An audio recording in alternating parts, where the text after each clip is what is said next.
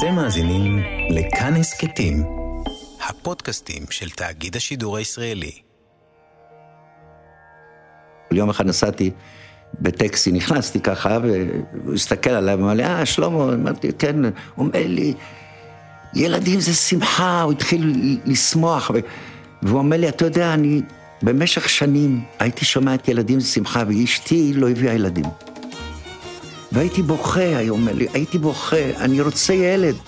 אשתי עכשיו, רק השנה, שתהיה בריא, והביאה ילד, ילדים זה שמחה. מה, לך אגיד לו שאני לא מתכוון לזה. אם אדם מזדהה עם משהו ונותן לו שמחה בחיים שלו, מה, למה שאני אמנע את זה ממנו? אני אוהב גם את השמחה הפשוטה, לא השמחה המתוחכמת. אני אגיד לך את האמת. ילדים זה ילדים זה ולכם יש לב של זהב, כתוב בתורה, אולי בקרה, לכו תשאלו את הרב. היי, כאן מאיה קוסובר, אתם מאזינים לשיר אחד, והפעם הסיפור מאחורי ילדים זה שמחה. האמת היא שעבר הרבה זמן מאז שהקלטנו את הרעיונות לפרק הזה. ממש לא חשבנו לעצמנו שעומדת להיות מגפה עולמית, ושאולי אחריה יבוא גם baby boom. ולא חשבתי שאת הקריינות הזאת אני אקליט מהבית כשהילד הקטן שלי כאן איתי, ואני מקווה שהוא לא יפריע. אנחנו מתייחסים לפרקים של שיר אחד כאל על-זמניים, כאלה שלא תלויים בחדשות, ושאפשר לחזור ולהאזין להם תמיד. אבל עכשיו, בימים האלה, אי אפשר להתנתק ממה שקורה שם בחוץ. והשורה הזאת, בעלת המשמעות הכפולה, ילדים זה שמחה, הופכת להיות מאוד אקטואלית, כשכל היום הם איתנו, מתרוצצים לנו בין הרגליים, ומנקרת גם השאלה באיזה עולם הם יגדלו. אז פרק חדש של שיר אחד, ילדים זה שמחה, גם בימי קורונה.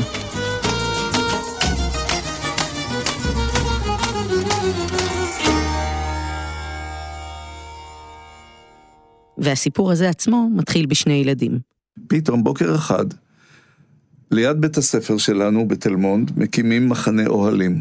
זה יהושע סובול. הוא היה אז בן עשר, אימא שלו הייתה עקרת בית ואבא שלו ניהל 500 דונם של פרדסים. ליד תל מונד היו אז רק שני כפרים ערביים, אבל בסוף שנת 49 הגיעו שכנים חדשים לאזור. ואנחנו מסתכלים כילדים, מה זה האוהלים האלה? ולפני שאנחנו מבינים מה קורה, מביאים אוכלוסייה, עולים חדשים. תראה, אני גדלתי בבית. בית עם חשמל ומים וחצר, וכל מה שאדם צריך, ופתאום על ידינו אוהלים. ואז המציאו את השם הזה, מעברה. ואני זוכר שביקרתי באוהלים של חברים שלי שהיו בבית הספר. אני זוכר את השוק שקיבלתי. אני זוכר את החורף הנורא שירד גשם ושלג, והמעברה הייתה שמה. ואנשים דשדשו בבוץ. וכאן נכנס לסיפור הילד השני. באותה שנה ממש הוא עולה לארץ ומגיע למעברה אחרת, באר יעקב. נולדתי במרוקו, הגעתי בגיל שש לארץ. הילד הזה הוא שלמה בר, ומאז שהוא זוכר את עצמו, הוא האזין למוזיקה. והוא גם ניגן ושר. מוזיקה זה, זה זיכרון גנטי לפי דעתי. הידיד נפש, אבהה רחמן.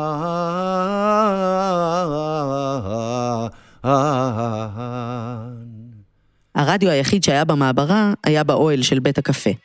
היו משחקים שש בש כזה, והיינו שומעים טוב כלתום. אבל יותר מאוחר כמובן שאני הייתי קרוי למוזיקה ישראלית. זוג שפתיה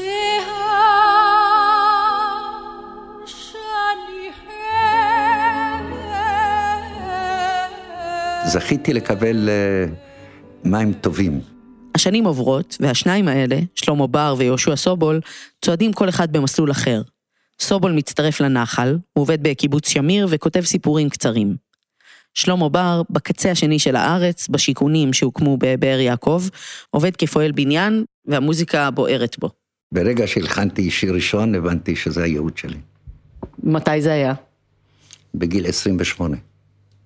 אני כפוף על עצמי כצל של גוף על גופו, אי ראש הזמן ואי סופו. זה כתב אברהם חלפי, זכרו לברכה. מוזיקה זה תורה שבעל פה. יש אה, אמירה שאומרת, ושקרה לי אכתוב בראש, אעשהו סיפור לבני אנוש. אני מלחין, אני לא צריך uh, מקלות. במערב זה, התחילו לשים מקלות, אבל אצלנו לא. זה עובר מפה לאוזן, זה, זה, זה מסירה. המוזיקה אצלנו היא תת-הכרתית. מוזיקה מערבית היא הכרתית פרופר. היא, למה היא הכרתית? כי היא סימטרית. ואנחנו אסימטרים, את צריכה להבין את זה. בידע המערבי, את רוצה ברגע אחד להבין עולם שלם. זה, זה, זה שטויות, זה שטויות. תיגעי בלב שלך, תביני מה זה אסימטרי. הזקתה, הבתה, אהייתתה, טטטה, בשנות ה-70 שלמה בר התחיל להופיע עם הרכב קטן, אבל הוא עדיין היה פועל בניין ולא התפרנס ממוזיקה. ובזמן הזה, יהושע סובול חזר לארץ מלימודים בסורבון, בפריז, ישר לעבודה כמחזאי בתיאטרון חיפה. שם הוא פגש את הבמאית נולה צ'לטון, והם התחילו ליצור יחד מחזות מסוג אחר, דוקומנטריים, כאלה שמביאים את הקולות מהחיים אל הבמה הגדולה. אחרי שתי הצגות מצליחות, היה להם רעיון חדש. הגענו למסקנה שצריך להביא לבמה את הסיפור של השכבות המקופחות, ה underdogs של החברה הישראלית. ושוב, להשתמש בשפה והכלים של תיאטרון דוקומנטרי, שזה אומר ללכת ולראיין. אז הוא לקח מכשיר הקלטה והתחיל להסתובב איתו. הוא נסע לחצור הגלילית, לאור עקיבא, לטירת הכרמל, לנווה מגן, וביקש מאנשים שיספרו לו על החיים שלהם. היה נער שאמר לי, אני יעני בן 16, ואני אדם אבוד. בן אדם אבוד. שאלתי אותו, מה, למה אבוד?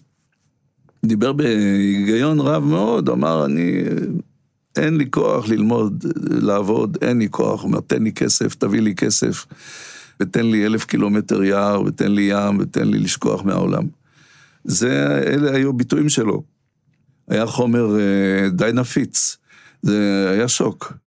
נתקלתי בזה, בתופעה הזאת, שיש באמת בישראל שכבה מקופחת מאוד, שחיה בעיירות פיתוח ובקיני עוני ומצוקה, מה שנקרא ישראל השנייה. ובוא נתעכב רגע כן. עוד עניין, החוויה שלך כקיבוצניק לבן שמסתובב במקומות האלה. זאת הייתה אה, חוויה של התעמתות, של כאילו הדברים גם נאמרו מולך, אתה הצגת איזה... אני מוכרח לומר שלא, אה, אנשים אה, אפילו שמחו שבאים לדבר איתם, ושמחו לדבר. כי היו טענות, ויצא משם זעקה מהאזורי המצוקה האלה. והיה עוד הבדל בולט במיוחד בין המשפחות שסובול פגש בעיירות הפיתוח, לבין המשפחות בקיבוצים ובערים הגדולות. קראו לזה אז משפחות מרובות ילדים, ואחרי זה הפכו את זה לברוכות ילדים.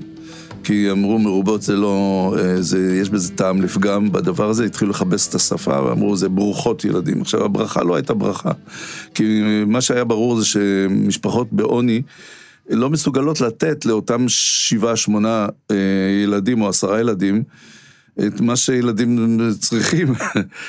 ואני הייתי שואל, למה אתם אה, לא מגבילים את מספר הילדים שאתם מביאים לעולם? והתשובה הייתה, ילדים זה שמחה. והתשובה הזאת קיבלתי כמה וכמה אה, נשים. ילדים זה שמחה, וגם גברים אמרו את זה. ופה ושם אמרו גם ילדים זה ברכה. כשסובול חזר הביתה, הוא ישב והאזין להקלטות מהשטח. כתב את כל מה שנאמר לו ממש מילה במילה. שינה את השמות, המציא דמויות, והפך את המונולוגים מהחיים למחזה. בשלב הזה, הוא ונולה צ'לטון החליטו שהם רוצים להכניס שירים להצגה, והם חיפשו מוזיקאי שיתחבר לנושא. אז יובל מסקין ודודו אלהרר המליצו להם ללכת לראות את שלמה בר בהופעה. שחרחורת יקראו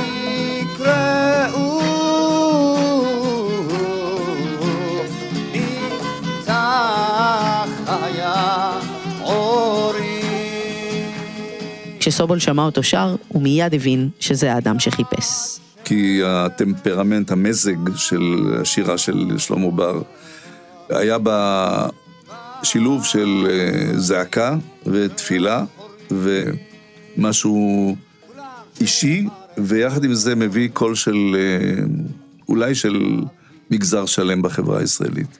אז הוא נסע לבאר יעקב כדי לפגוש את שלמה בר. הוא קיבל אותי במה שהיה נקרא לזה הסטודיו המוזיקלי שלו, שזה המרתף של הבית.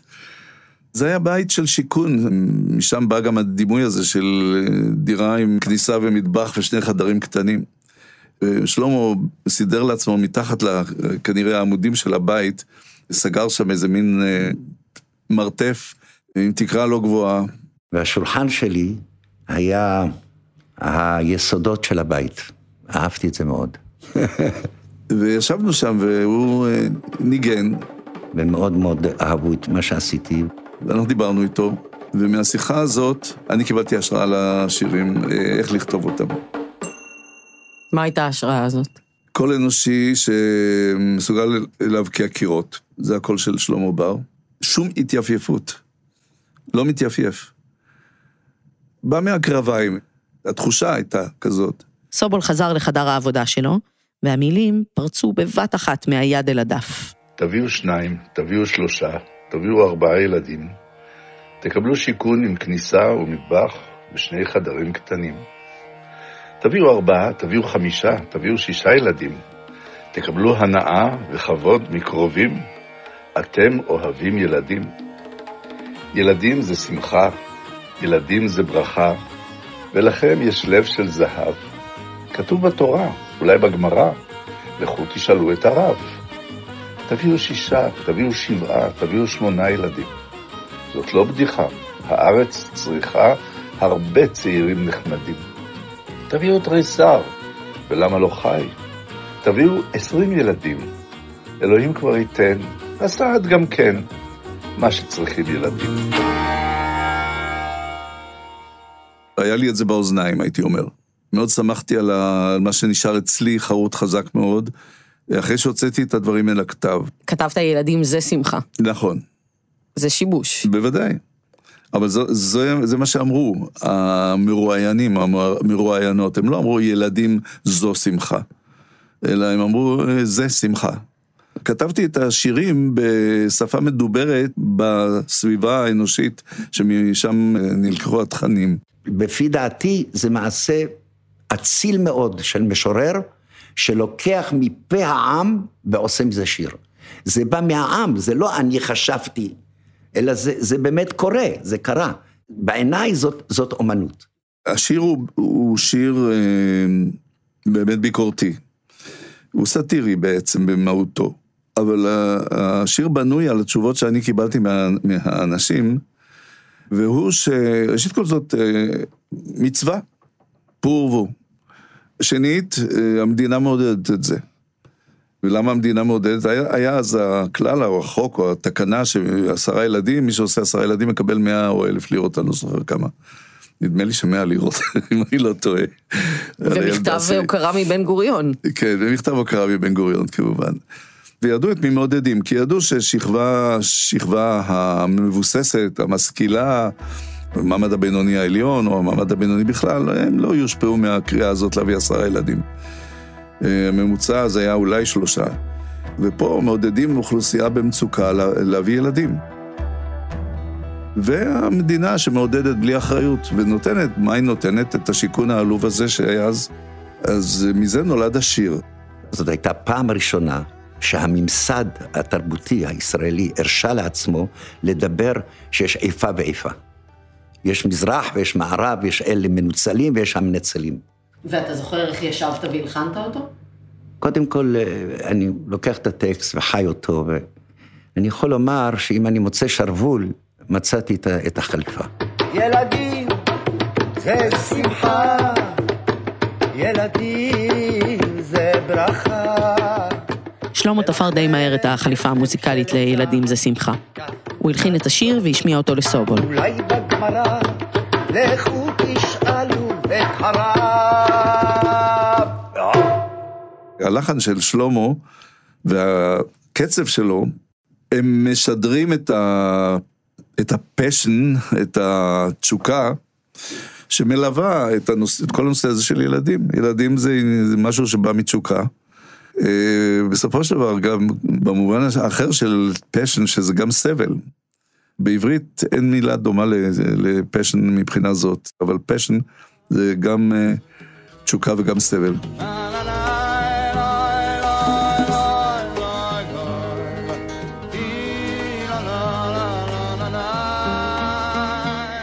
סובול מאוד אהב את הלחנים והעיבודים של שלמה, אבל... הבמאית פחות, היא לא... היא...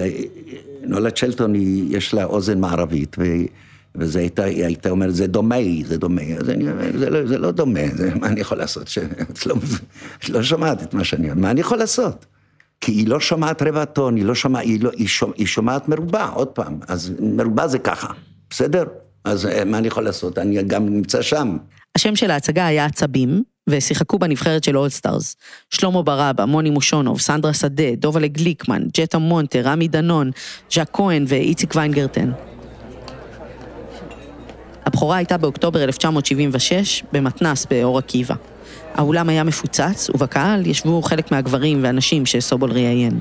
אני זוכר שהייתה תסיסה באולם בזמן ההצגה. אנשים הגיבו בקול. סוף סוף הגיע קהל אה, מזרחי לתיאטרון. התיאטרון הרי הוא היה בלעדיות עד... הוא היה כלי מערבי לחלוטין, כן? הרבה עשו את אה, טוביה חולב. אתה יודע כמה עשו את טוביה חולב? אני חושב שהנער שממנו לקחתי את המילים, הוא קם, הוא קילל והוא יצא מן האולם. אחר כך הוא חזר. אבל הוא לא יכול היה לעמוד בזה, לקבל את השיקוף של המצב שלו מהבמה. הרגשתי שזה מה שקרה לקהל. הקהל היה במצב שאתה משקף לו את מצבו והוא אה, רואה את זה, ופתאום הוא לא יכול להסיר את העיניים מזה. העצבים התחילו לעלות לי, להרוס לי לאט לאט. קיבלתי קריזה. כי בהצגה עצבים, שהשם שלה השתנה בהמשך לקריזה, אלו היו ממש החיים עצמם על הבמה, באופן שיצא משליטתו של המחזאי. זה קרה כשעלתה לבמה דמות שמבוססת על קבלן שסובול פגש באחד המסעות שלו. עבדתי כמו פראייר, עבדתי. כל העבודה השחורה על הגב שלי ואני עבדתי. למה? למה רציתי להתקדם. חיפשתי התקדמות. הוא מתחיל את המונולוג שלו ומגיע למקום שהוא אומר, אה, אם ייתנו לי, אני אה, יודע מה לעשות פה. אני אה, סוגר את הסעד, סוגר את הסעד, מחיאות כפיים מהקהל. אני אסגור את קופת חולים, מחיאות כפיים. ואז הוא אומר, אני שם משטרה חזקה, מחיאות כפיים, ואני שם בראש המדינה גבר, תסלחו לי, גבר עם ביצים, ככה הוא אמר, מחיאות כפיים סוערות. ואז נולה, שחזתה יחד איתי בהצגה, היא אמרה לי, זה מפחיד, תראה מה זה, הוא נושא נאום פשיסטי ואנשים מוחאים לו כפיים. תיתן לו דברים יותר חריפים, שהם יבינו למה הם מוחאים כפיים, האנשים, שהם יפסיקו למחוא כפיים, אמרתי יופי. אבל כל מה שאמרנו לסגור, הם מחאו כפיים, עוד יותר ועוד יותר. זאת אומרת, לחסל, בעצם לחסל הכל. לסגור את אגד, לסגור את זה, לסגור פה, לסגור שם. אמרתי, אז אני זוכר שאני אמרתי, יש בקהל אה, מין כמיהה לחסלנות. רוצים אה, לסגור את כל מה שישראל הייתה עד עכשיו, אה, ולעשות מה? אה, זה היה מפחיד הדבר הזה. כן, היה עכשיו לסגור את הקיבוצים, לסגור את המושבים, עכשיו מחאו כפיים. לסגור את אה, כור מחצבתו של המחזאי. לסגור את כור, כן, כור מחצבתו של המחזאי בהחלט.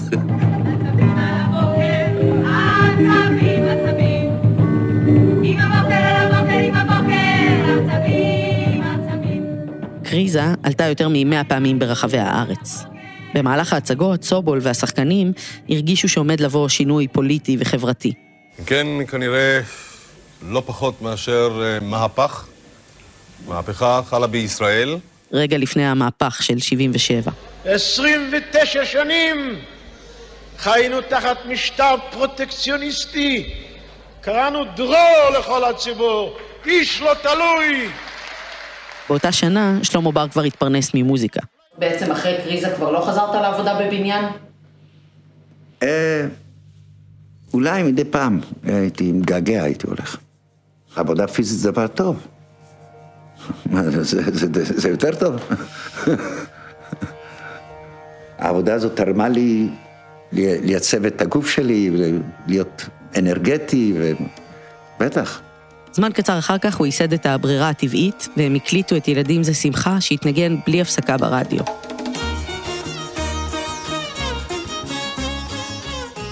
קודם כל התאהבתי בו כמו כל אחד ברדיו שהושמע. אהבתי את השיר, אהבתי את הכינור ההודי המדהים הזה. זאת ריטה. התאהבתי בטקסט של סובול ובלחן של שלמה בר, איך שהוא שר, למות איך שהוא שר. יושב שם השד העדתי. כן, ואני אני לקחתי את זה למקום אחר. תביאו שניים, תביאו שלושה, תביאו ארבעה ילדים.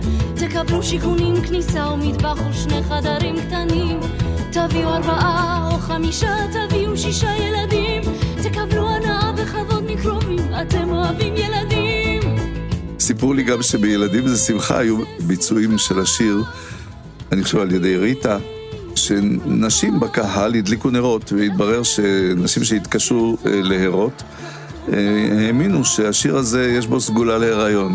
אני לגמרי מודעת לציניות ולמקום הזה, אבל אני מאוד רציתי לקחת את זה דווקא למקום שבאמת ילדים זה שמחה. כמובן שיש את המצוקה ואת כל הדבר הזה, אבל כן נתתי דגש על הדבר הזה שלמרות הכל, המתנה הכי גדולה בחיים שלנו, בסופו של דבר זה ילדים. ילדיך שלך עם שמחה? כן. זאת אומרת, גם המחזאי יכול, הכותב השיר גם יכול להתחבר לאיזה משמעות... אה, בהחלט כן, אני, אמנם יש לי שני ילדים ולא שמונה ולא עשרה, ולכל אחד מילדיי יש שני ילדים. אז אנחנו דאגנו יותר כנראה לגורל כדור הארץ מאשר להגדלת העם. אבל אני חושב שהיום זאת אחת השאלות, אבל זה כבר סוטה מהנושא. זה דו-משמעי לכל הכיוונים.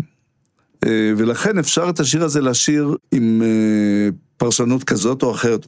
זכותו של כל אדם, כשהוא נפגש עם יצירת אומנות, לפרש את היצירה בהתאם לצרכים הנפשיים שלו ולתפיסות שלו. ילודה גבוהה ולעשות הרבה ילדים, זה היהדות מתוקה שלי. אנחנו לא נוצרים. לא כלב וילד. בילדים זה שמחה באמת. אבל בלחן של השיר וגם בזה שלו כן יש איזושהי נימה סרקסטית. נכון, בסדר, בסדר, אז זה, זה מה שצריך להיות. זה מין דבר והיפוכו. ולפני סיום, לכל ההורים שם בבית, כל מי שנמצא ונמצאת עם הילדים ברגעי האגם וגם האלה, רגעים של חרדה, טרלול וטיפוס על קירות, לצד רגעים של זכות, חסד ושמחה קטנה, זה הזמן להגביר את הווליום ולרקוד ביחד. האזנתם והאזנתן לשיר אחד. אני מאיה קוסובר והפקתי את הפרק הזה יחד עם דנית שוקרון ידידיה ורום אטיק. בצוות שיר אחד, ניר גורלי, אייל שינדלר ותומר מולביטזון. תודה לאסף רפפורט שערך את הסאונד, תודה גם לנדב סיינוק. פרקים נוספים של שיר אחד אפשר למצוא בכל אפליקציות הפודקאסטים ובאתר כאן. מוזמנות ומוזמנים להצטרף לקבוצה החדשה בפייסבוק, כאן הסכתים. תודה שהאזנתם והאזנתן. יאללה ביי. תקבלו שיכונים, כניסה ומטבח ושני חדרים קטנים. תביאו ארבעה, תביאו חמישה, תביאו שישה ילדים. תקבלו הנאה וכבוד מקרובים, אתם אוהבים ילדים. ילדים זה שמחה, ילדים זה ברכה. ולכם יש לב של זהב, כתוב בתורה, אולי בגמרא, לכו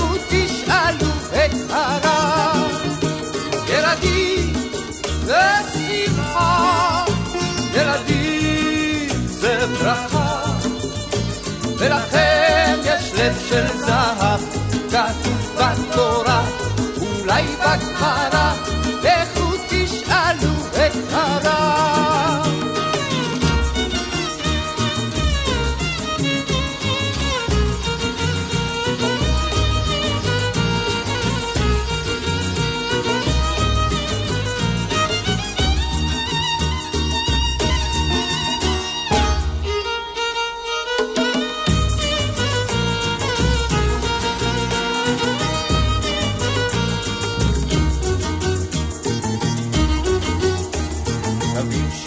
אלפים, שבעת אלפים, שמונה ילדים. זאת לא בדיחה, הארץ צריכה הרבה צעירים נכבדים. תביאו תריסר ולמה לא חי, תביאו עשרים ילדים. אלוהים כבר ייתן, הסעד גם כן, מה שצריכים ילדים. אלוהים הוא גדול, אשר לא תזכור, שאחד יקבל את הכל. life.